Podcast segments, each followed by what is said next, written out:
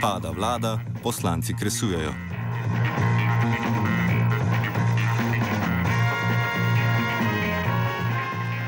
Po petkovem kongresu Pozitivne Slovenije, na katerem so ljubljanski gostinci svojega Župankoviča nastavili še na čelo največje stranke, so se ti pretresi preselili tudi v poslanske vrste.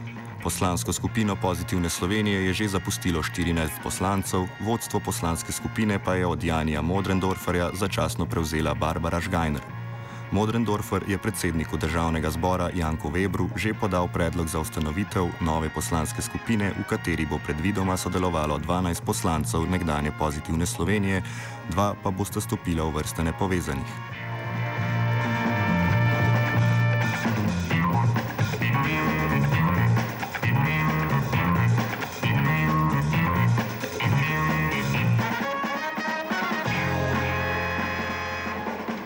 Se, da znotraj koalicijskih partneric Pozitivne Slovenije obstaja enotno mnenje o predčasnih volitvah. Poslanska skupina socialnih demokratov v svojih odzivih ne pristaja na začasnega mandatarja, prav tako je v zahtevi po predčasnih volitvah neomajna državljanska lista. Z razpadom poslanske skupine Pozitivne Slovenije je vlada namreč izgubila večino v parlamentu in postala bolj kot ne neoperativna kako v državljanski listi ocenjujejo dosedanje delo vlade in kakšna naj bo njena prihodnost, smo govorili z njihovo poslanko Katijo Hočevar. Poglejte, dejstvo je, da vlada Alenke Bratušek nima več potrebnih 46 glasov in v danih, v danih okoliščinah menimo, da so volitve najboljša rešitev. Volitve niso katastrofa, uh, volitve so praznik demokracije in karte na uh, političnem zemljevidu Slovenije so se tako premešale, uh, da menimo, da morajo voljivci ponovno odločiti o tem, kdo naj Slovenijo vodi nadaljnih štirih let. Poleg tega je pa situacija, uh, če smo pošteni, oziroma naše stališče je, da bi bile volitve pred enim letom, takrat, ko je razpadla vlada Janeza uh, bolj problematična za Slovenijo kot v tem trenutku. Tisto, kar je bilo pač ključno za Slovenijo, da smo se izognili trojki, je ta vlada naredila. Dejstvo je, da pa prepotrebnega reformnega naboja uh, tudi ta vlada, posebno zdaj, ko je nekako um, se tudi gospod Jankovič um, je bil mogoče bolj viden ta pritisk oziroma njegovo umešavanje, se je ta reformni naboj zmanjšal in uh, najboljivci ponovno povedo, komu zaupajo.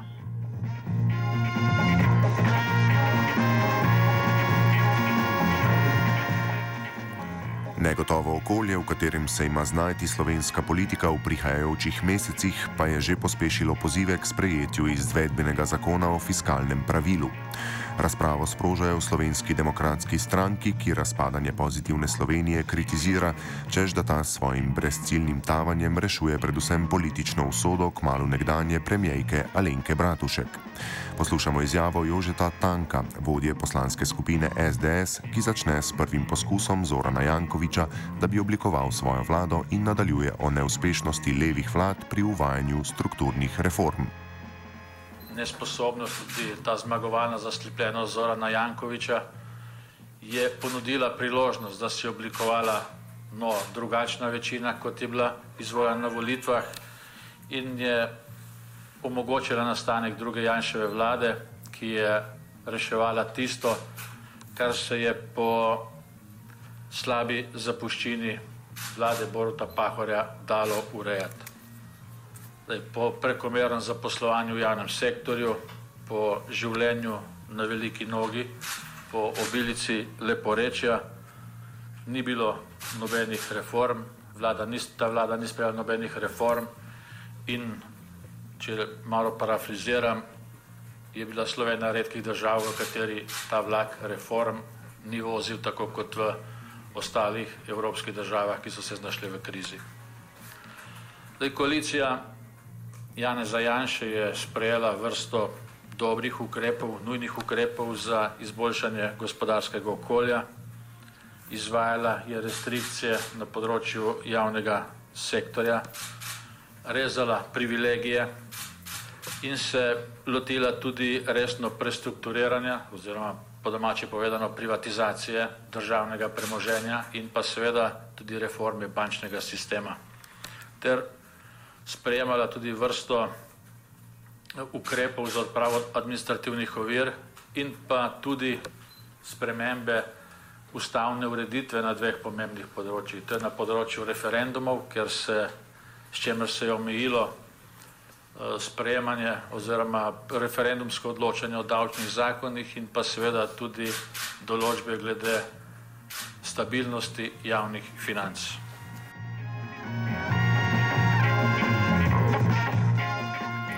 Agenda SDS je, da se še pred morebitnimi predčasnimi volitvami sprejme izvedbeni zakon fiskalnega pravila, ki bo naslednjim nosilcem oblasti omogočil pravno podlago za korenitejše reze v javni sektor.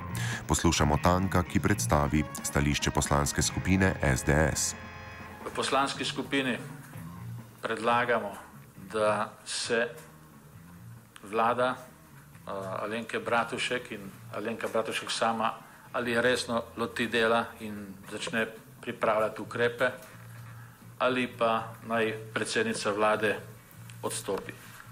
Vlado imamo za to, da dela, da predlaga potrebne ukrepe, eh, ne pa da si s tem tavanjem, ki si ga sedaj privošči predsednica vlade in pa tudi politična večina v tej državi, da na nek način rešuje politično usodo užaloščene predsednice vlade.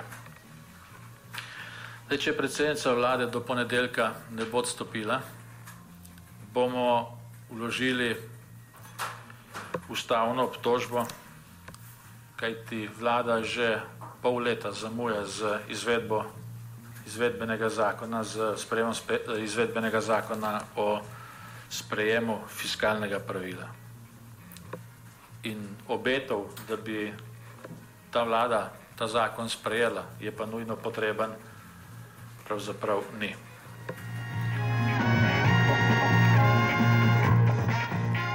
V samostojni Sloveniji so poslanci že dvakrat uložili ustavno obtožbo, vendar ta nikoli ni dobila zadostne podpore poslancev, zato nikoli ni prišla do ustavnega sodišča.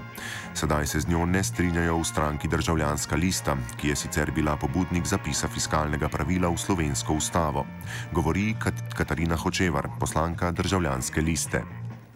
Poglejte, jaz mislim, da je v tem trenutku, um, uh, bom rekla, popolnoma neumestna. Uh, in uh, lejte, fiskalno pravilo je zapisano v ustavo in dejstvo je, da se more proračunski primankljaj zmanjševati.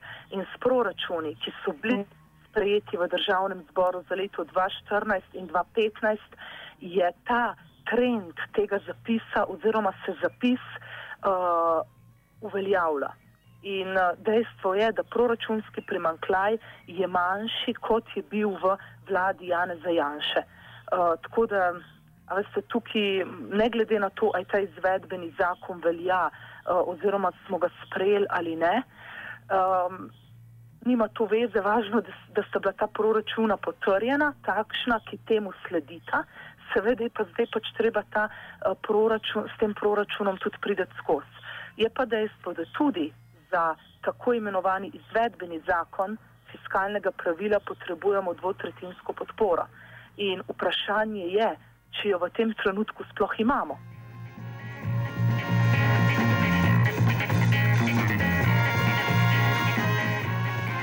Za odziv smo poklicali tudi v razpadajočo pozitivno Slovenijo, kjer pa ga nismo uspeli pridobiti, saj so po njihovih navedbah trenutno prav vsi njihovi poslanci že na počitnicah, kresujejo pa tudi v njihovih službah za odnose z javnostmi.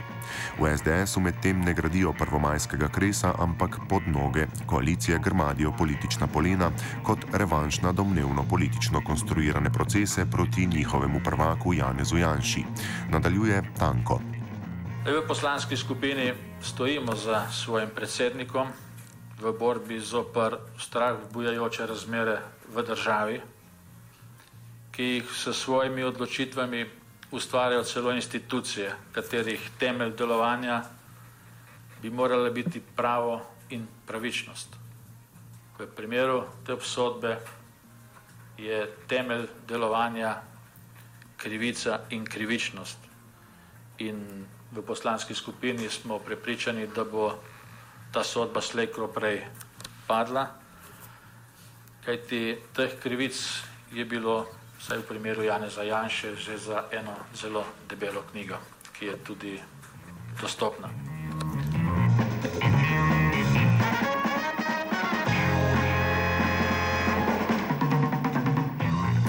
Ko smo že pri takšnih knjigah, bo Janša v zaporu morda lahko končal svojo trilogijo. Knjižnim fikcijam Premiki in Okopi bi se lahko kmalo pridružili tudi zapahi.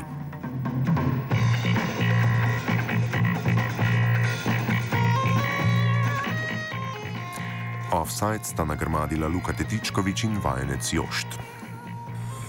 Offside.